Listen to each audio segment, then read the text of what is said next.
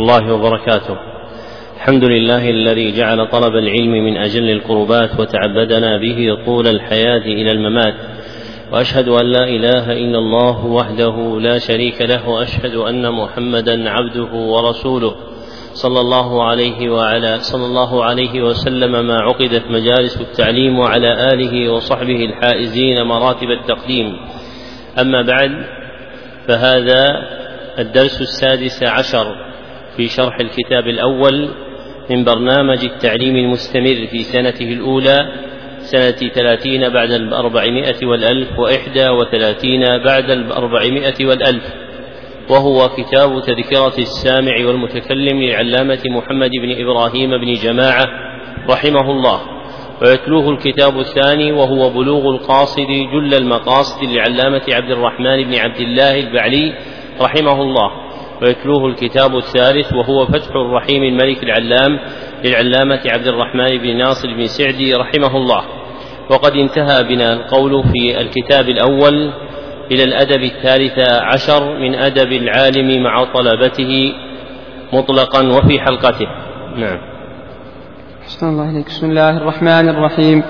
الحمد لله رب العالمين وصلى الله وسلم على نبينا محمد وعلى آله وصحبه أجمعين. اللهم اغفر لنا ولشيخنا وللحاضرين ولجميع المسلمين. قال المصنف رحمه الله تعالى الثالث عشر أن يسعى في مصالح. الثالث عشر. الثالث هذه دائما تبنى على فتح الجزئين. الثالث عشر الرابع عشر الخامس عشر. نعم. الله إليك الثالث عشر أن يسعى في مصالح الطلبة وجمع قلوبهم ومساعدتهم بما تيسر عليه من جاه ومال عند قدرته على ذلك وسلامة دينه وعدم ضرورته. فإن الله تعالى في عون العبد ما دام العبد في عون أخيه ومن كان في حاجة أخيه كان الله في حاجته. ومن يسر على معسر يسر الله عليه حسابه يوم القيامة.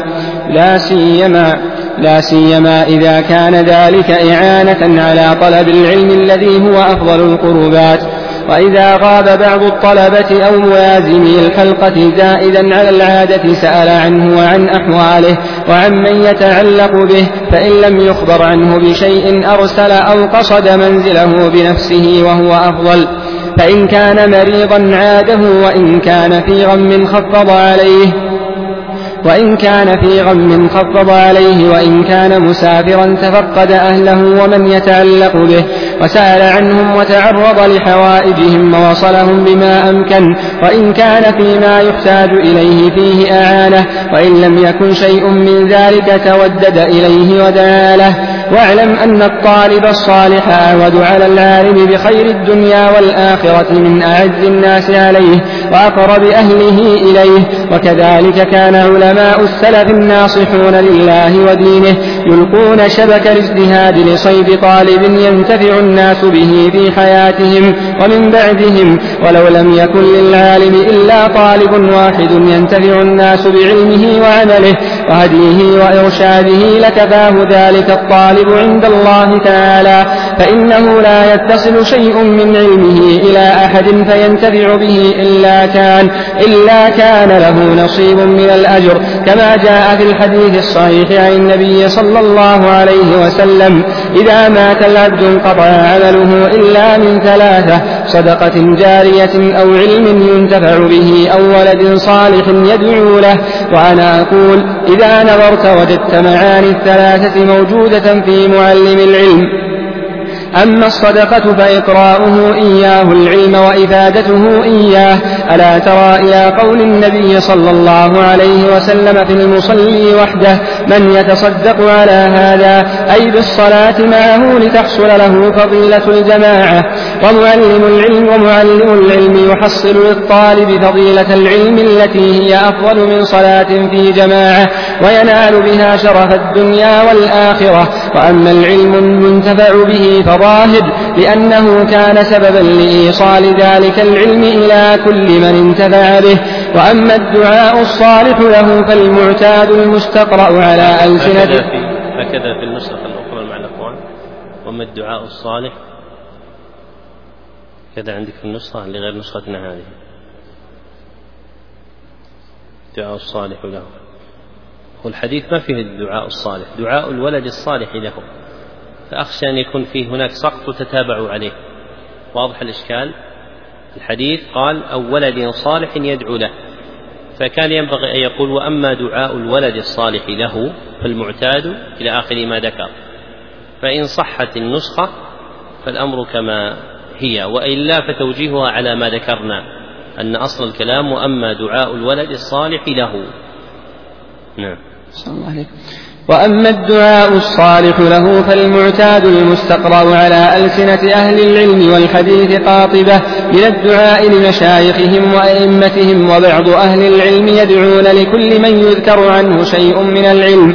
وربما يقرأ بعضهم الحديث بسنده فيدعو لجميع رجال السند. فسبحان من اختص من شاء من عباده بما شاء من جزيل عطائه.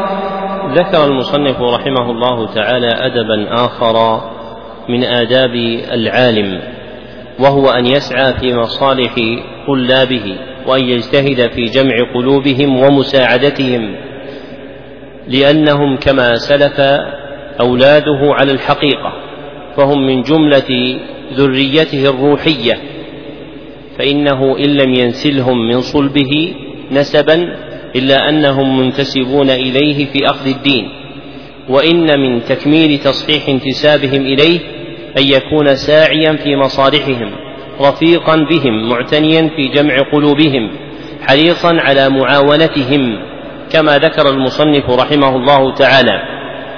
وقد ذكر المصنف رحمه الله تعالى ذلك مشروطا بثلاثة شروط أحدها أن يكون قادرا على ذلك لقوله عند قدرته على ذلك.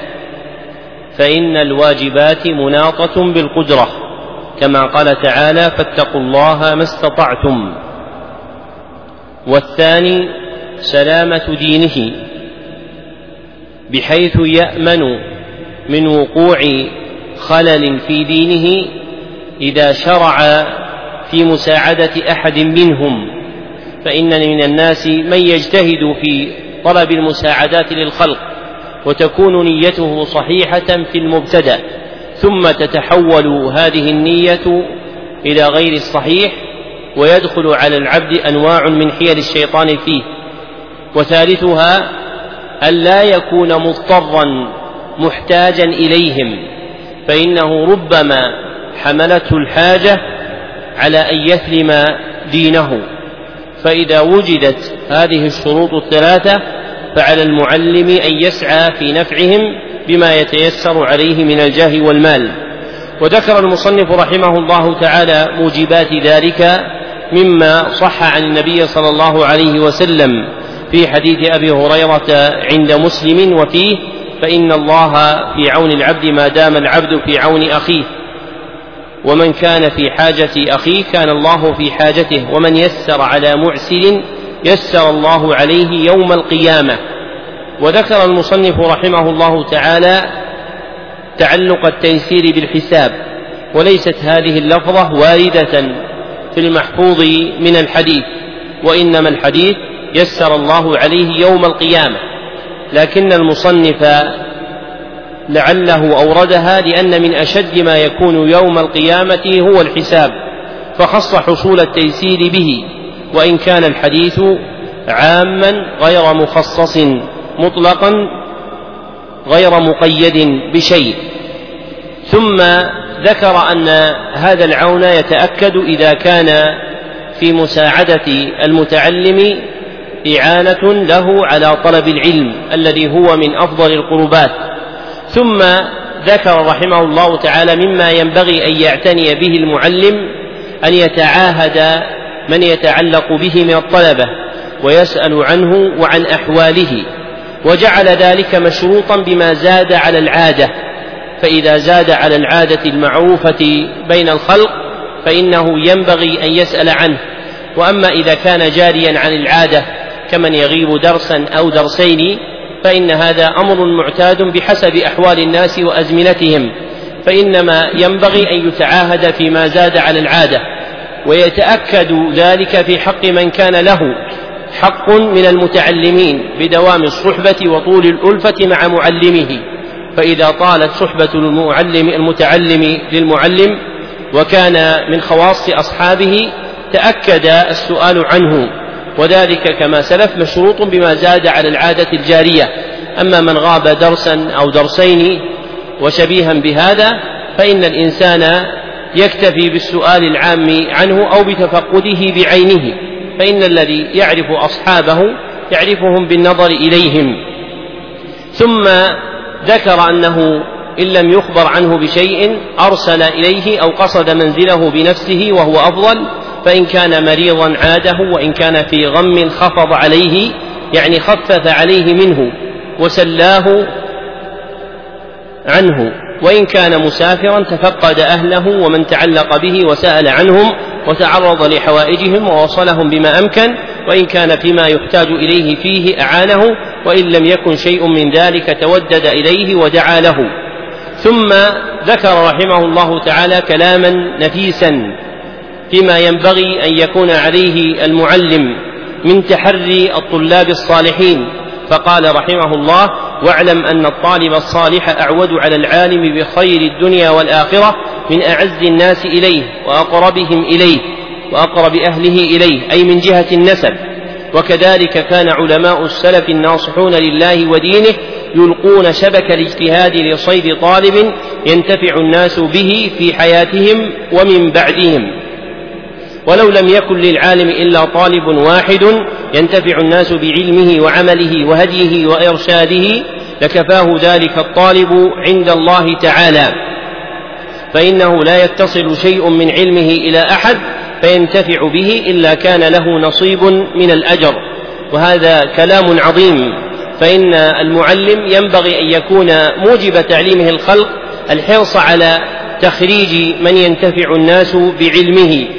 وكما كان السلف رحمهم الله تعالى يلقون شبك الاجتهاد لاقتناص الطلاب الصالحين لذلك ينبغي أن يجتهد المعلم في تصفح أحوال أصحابه ومعرفة مقاديرهم في العلم فمن رأى أنه يفلح فيه ولمح منه فطنة وذكاء اعتنى به رجاء أن ينتفع الناس بعلمه فالحامل له ابتغاء تخليف أحد بعده ينفع الناس بالعلم والعمل والهداية والإرشاد. ثم ذكر رحمه الله تعالى أن من موجبات هذه العناية أنه لا يتصل شيء من علم المعلم إلى أحد من الخلق من طريق المتعلم عليه فينتفع به إلا كان له نصيب من الأجر فهو شريك له. كما جاء في الحديث الصحيح عن النبي صلى الله عليه وسلم إذا مات العبد انقطع عمله إلا من ثلاثة إلى آخر ما ذكر. وهذا الحديث في صحيح مسلم لكن بغير هذا اللفظ. فإن هذا الحديث يذكر بثلاثة ألفاظ. أحدها إذا مات الإنسان وهو في صحيح مسلم. وثانيها إذا مات العبد وهو عند البخاري في الأدب المفرد. وثالثها إذا مات ابن آدم وهو عزيز المخرج. فقد رواه ابن أبي الدنيا في كتاب النفقة على العيال. واللفظ الثالث هو أشهرها دورانا على الألسنة مع عزة مخرجه فإنه لم يخرجه من المسندين إلا ابن أبي الدنيا في كتاب النفقة على العيال.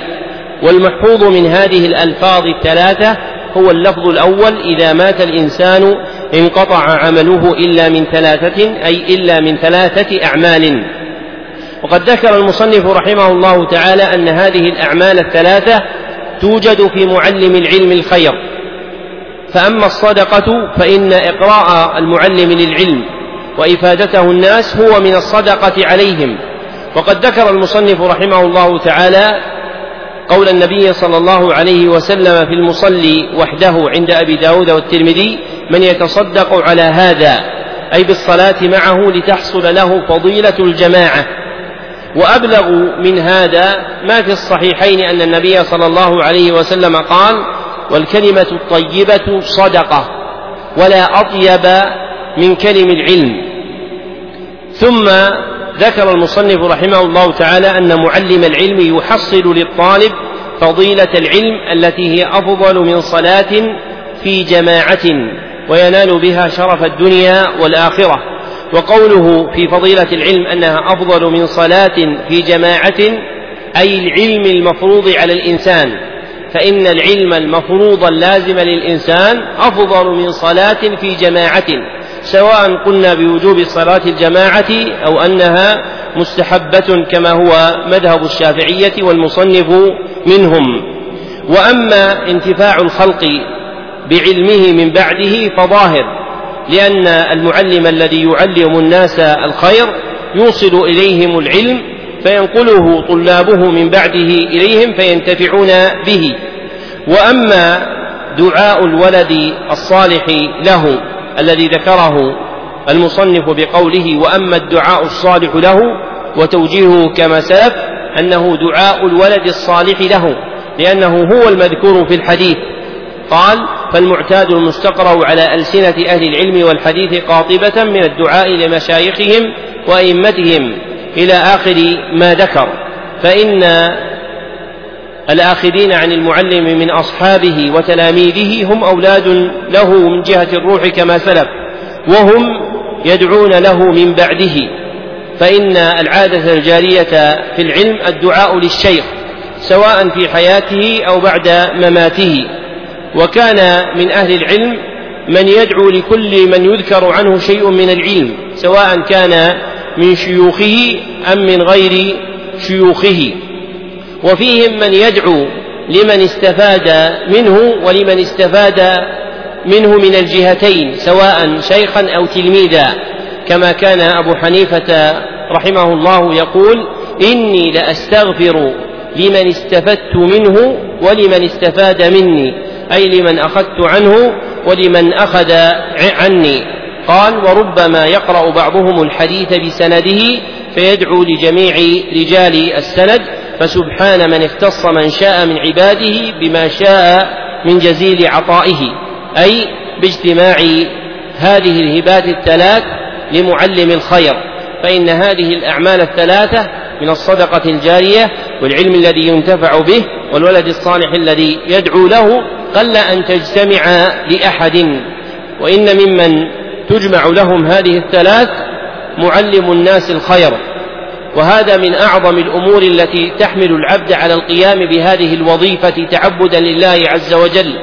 فإن تعليم الناس الخير وظيفة لا تنال عليها عطايا السلاطين واموال عطايا السلاطين وأموالهم وإنما تنال بها هبات الله الجزيلة.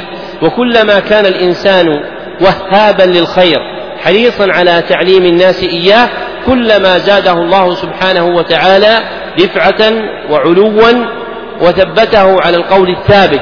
فإن من أعظم ما يرسخ القدم على الحق ويجعل الإنسان ثابتا عليه دوام لهجه بالعلم تعلما وتعليما. نعم. الله عليك الرابع عشر أن يتواضع مع الطالب وكل مسترشد سائل إذا قام بما يجب عليه من حقوق الله وحقوقه ويخفض له جناحه ويلين له جانبه. قال الله تعالى لنبيه واخفض جناحك لمن اتبعك من المؤمنين.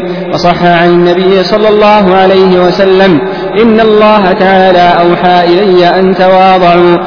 وقوله وما تواضع أحد لله إلا رفعه الله وهذا لمطلق الناس فكيف بمن له حق الصحبة وحرمة التردد وصدق التودد وشرف الطلب وفي الحديث لينوا لمن تعلمون ولمن, ولمن تتعلمون منه وعن الفضيل من تواضع لله ورثه الحكمة وينبغي أن يخاطب كلا منهم لا سيما الفاضل المتميز بكنيته ونحوها من أحب الأسماء إليه وما فيه تعظيم له وتوقير. فعن عائشة رضي الله عنها كان رسول الله صلى الله عليه وسلم يكني أصحابه إكراما لهم.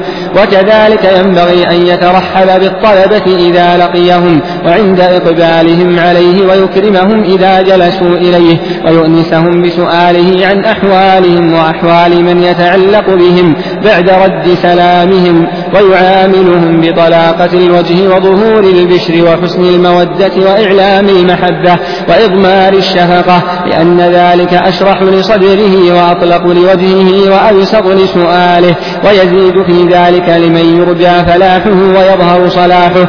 وبالجملة فهم وصية رسول الله صلى الله عليه وسلم فيما رواه أبو سعيد الخدري رضي الله عنه.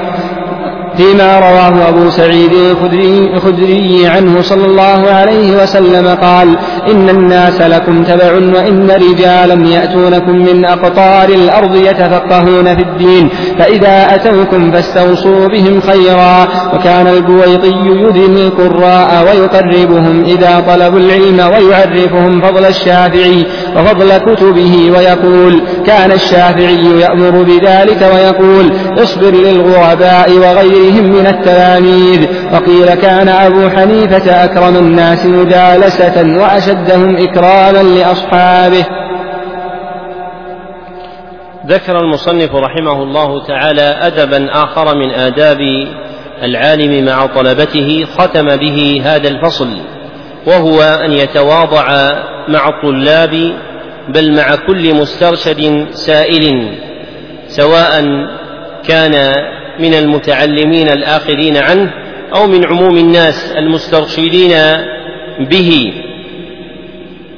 وقد تكلم أهل العلم رحمهم الله تعالى في بيان حقيقة التواضع والكلام في الأخلاق من أشق منازع العلم لأنها أحوال نفسانية ربما يعزب لسان البيان عن الإفصاح عنها إلا أن النبي صلى الله عليه وسلم أشار إلى ذلك بما يستفاد من قوله صلى الله عليه وسلم فيما رواه مسلم في صحيحه أنه قال الكبر بطر الحق وغمط الناس فأشار النبي صلى الله عليه وسلم إلى حقيقة التكبر وأنها غمط الحق أي دفع الحق.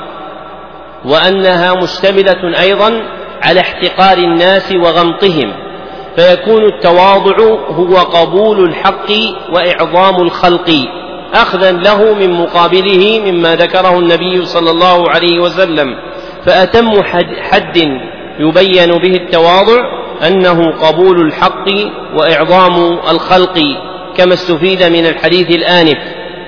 ويتأكد هذا إذا كان الطالب أو المسترشد قائما بما يجب عليه من حقوق الله وحقوقه فعلى المعلم أن يخفض له جناحه متواضعا ويلين له جانبه متقربا ممتثلا أمر الله عز وجل لنبيه إذ قال واخفض جناحك لمن اتبعك من المؤمنين وأحق المؤمنين بخفض الجناح هم اكدهم وأكملهم إيمانا وهم الساعون في حمل العلم ونقله.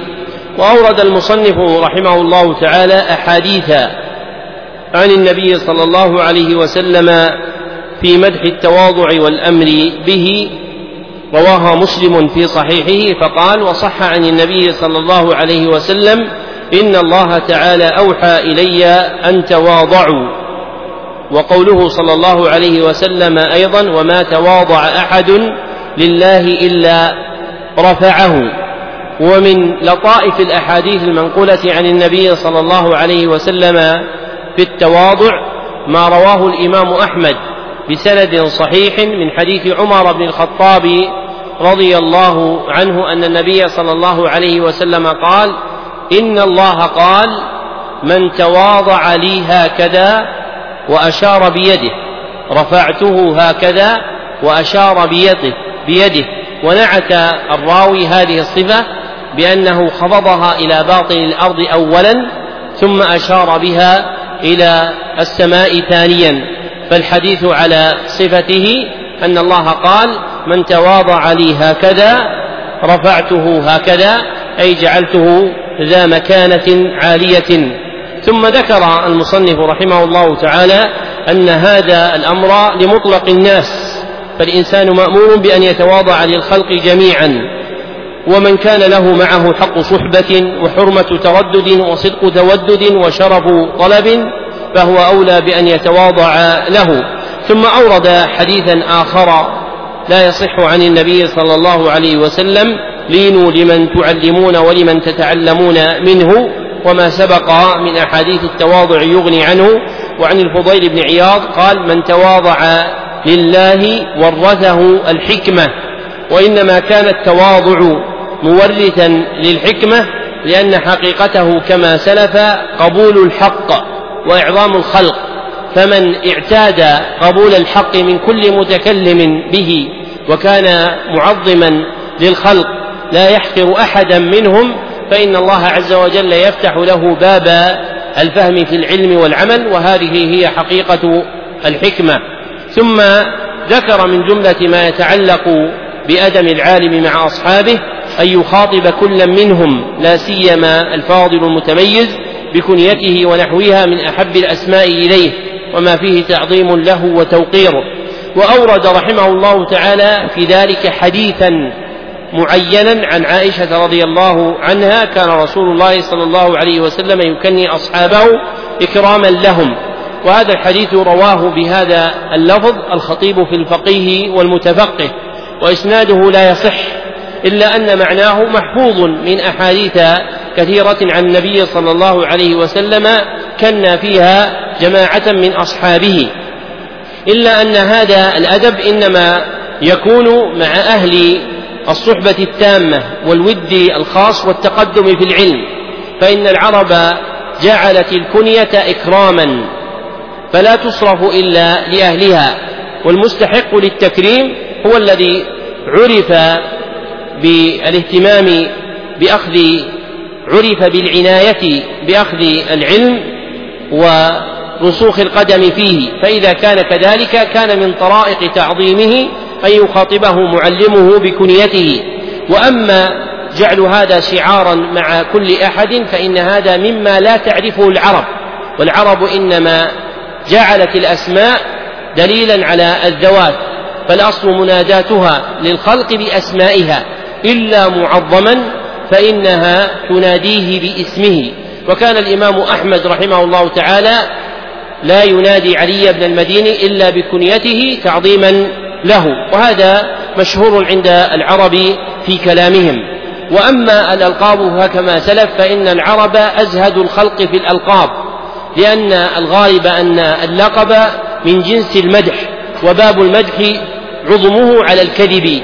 فإن أكثر ما يجري في كلام الناس نثرا ونظما من المدائح إنما هو مبني على كذب أو أمر متكلف. فكان العرب ممن يتنزهون عن هذا. ومن لطائف ما يدل على تنزه العرب عن هذا أن الحاكم رحمه الله تعالى خرج حديثا في المستدرك فقال هذا إسناد أعرابي. وأشار بعض أهل العلم وأظنه الذهبي رحمه الله تعالى إلى أن معنى هذا أنهم عرب أشراف يتنزهون عن الكذب.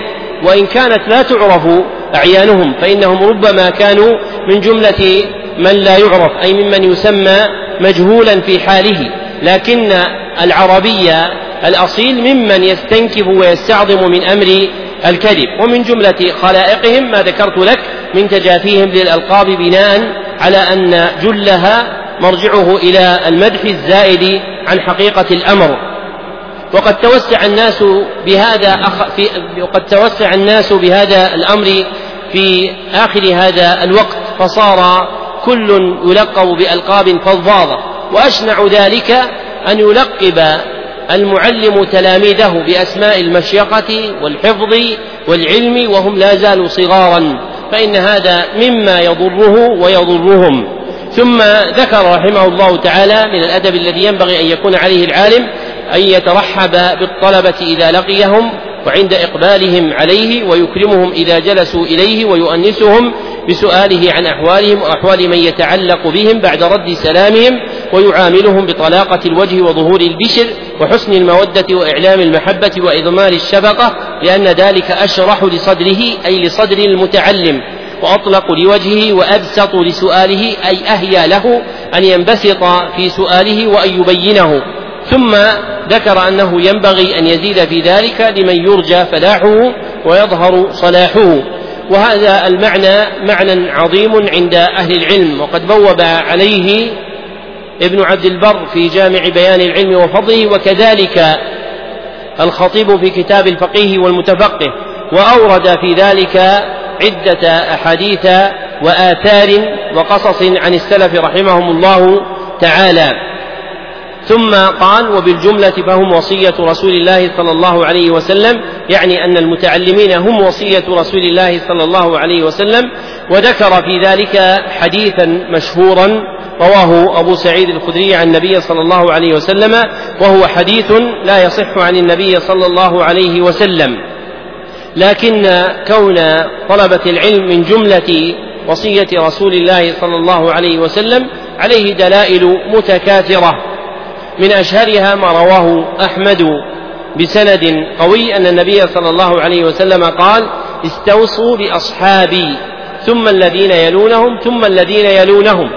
وإنما أراد النبي صلى الله عليه وسلم الوصية بأصحابه وبالصفات التي اتصفوا بها حتى أوجبت الوصية بهم. ومن جملة صفاتهم أنهم كانوا مستغلين بالعلم تعلما وتعليما وكذلك كان من بعدهم ثم من بعدهم من الصدر الأول والرعيل السالف في القرون الثلاثة. فهذا يدل على أن من اتصف بصفاتهم ومن جملتها أخذ العلم وحمله أنه مما ينبغي أن يكون موصى به من النبي صلى الله عليه وسلم.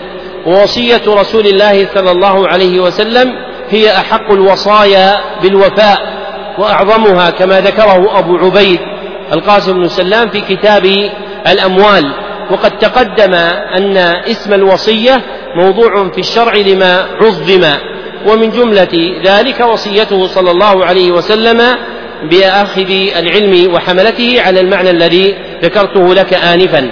ثم ذكر رحمه الله تعالى من وقائع ذلك في أحوال من مضى أن البويطي صاحب الشافعي كان يدني القراء أن يقرب طلاب العلم. والقراء لقب في الصدر الأول لآخذ العلم وملتمسيه من طلابه وليس مختصا بحملة القرآن وحفظته ورواته بل كان اسم القراء موضوعا على آخذ العلم وطلبته. كما في الصحيح أن أصحاب عمر كانوا هم القراء شبابا أم كهولا فالمراد بهم المشتغلون بطلب العلم في آثار أخرى بهذا المعنى. ويقربهم إذا طلبوا العلم ويعرفهم فضل الشافعي وفضل كتبه ليعظموا ما فيها من العلم. وكان يقول لهم كان الشافعي يأمر بذلك أي يأمر بإدناء الطلبة وتقريبهم. وليس المعنى أنه يأمر بالتعريف بفضله وبفضل كتبه وإنما كان الشافعي يأمر بإدناء القراء وتقريبهم وكان يقول اصبر للغرباء وغيرهم من التلاميذ.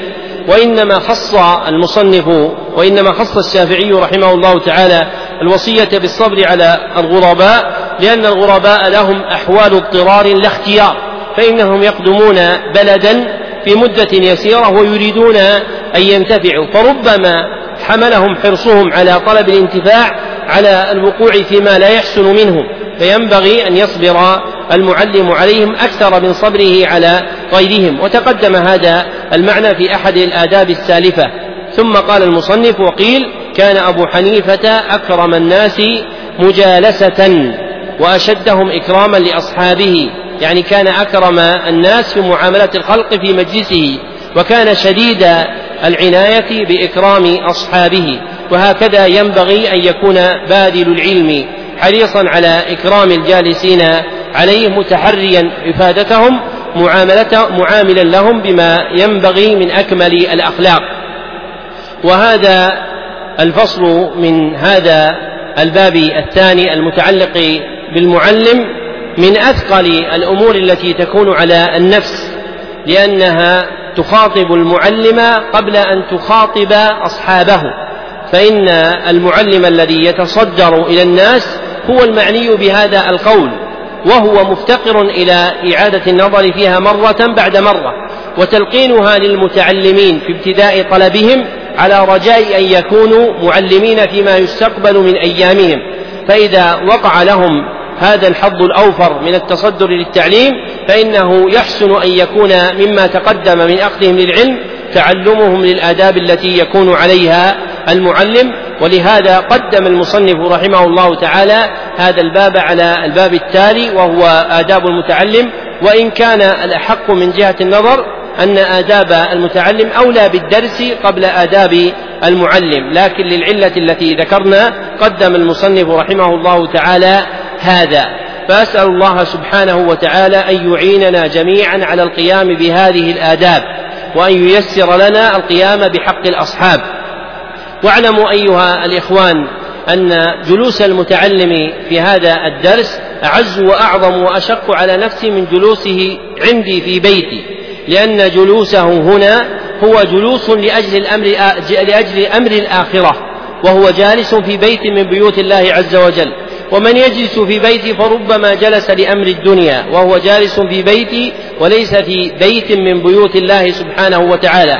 وهذه العناية توجب عليك أن تعتني بهذا المجلس من كل وجوهه. وعندما نعيد ونبدي في آداب مجالس العلم ونشير إليها فالمقصود بذلك حفظ وقار العلم. لأن حفظ الوقار العلم يوجب تعظيمه. ومن عظم العلم ناله ومن لم يبال به لم ينله. وعندما نؤكد على هذا بالإرشاد فنقول لا يمدن أحد منكم قدميه أو لا يضعن كتابه على الأرض فليس المقصود من ذلك أخلاق البلوك من التسلط على الخلق وإنما المقصود إرشاد الخلق. وقد يرى بعض الناس أن في مثل هذا الإرشاد تعاليا وتعاظما وهذا من قصور نظره وقلة علمه. فإن الطبيب إذا رأى علة في المريض وجب عليه أن يداويه. وإن ظن المريض أن الطبيب يعطيه دواء مرا أو شديدا عليه أو لا يرعاه حق رعايته لكن الطبيب إذا علم ما لله عز وجل في مداواة علل الناس كفاه ذلك. وكذلك معلم الناس الأديان إذا علم حق الله عز وجل فإنه لا ينبغي له أن يبالي بالخلق وإنما مدار الأمر على مراقبة الله سبحانه وتعالى. وهذا كما يكون في حق المعلم فإنه يكون في حق المتعلم.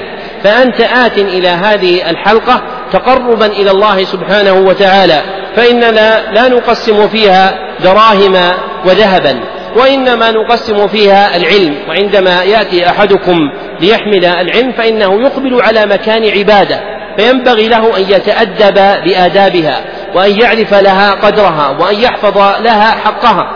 ومن جملة ذلك دوام حرصه عليها فإن دوام حرصك على هذه الحلقة لا أريد به أن تحرص عليه وإنما أريد به أن تحرص على العلم. وعندما نتفقد بعض الإخوان فإنما المقصود بتفقدنا عندما نسأل عنهم عن غيابهم عن الدرس وليس غيابهم عن المدرس.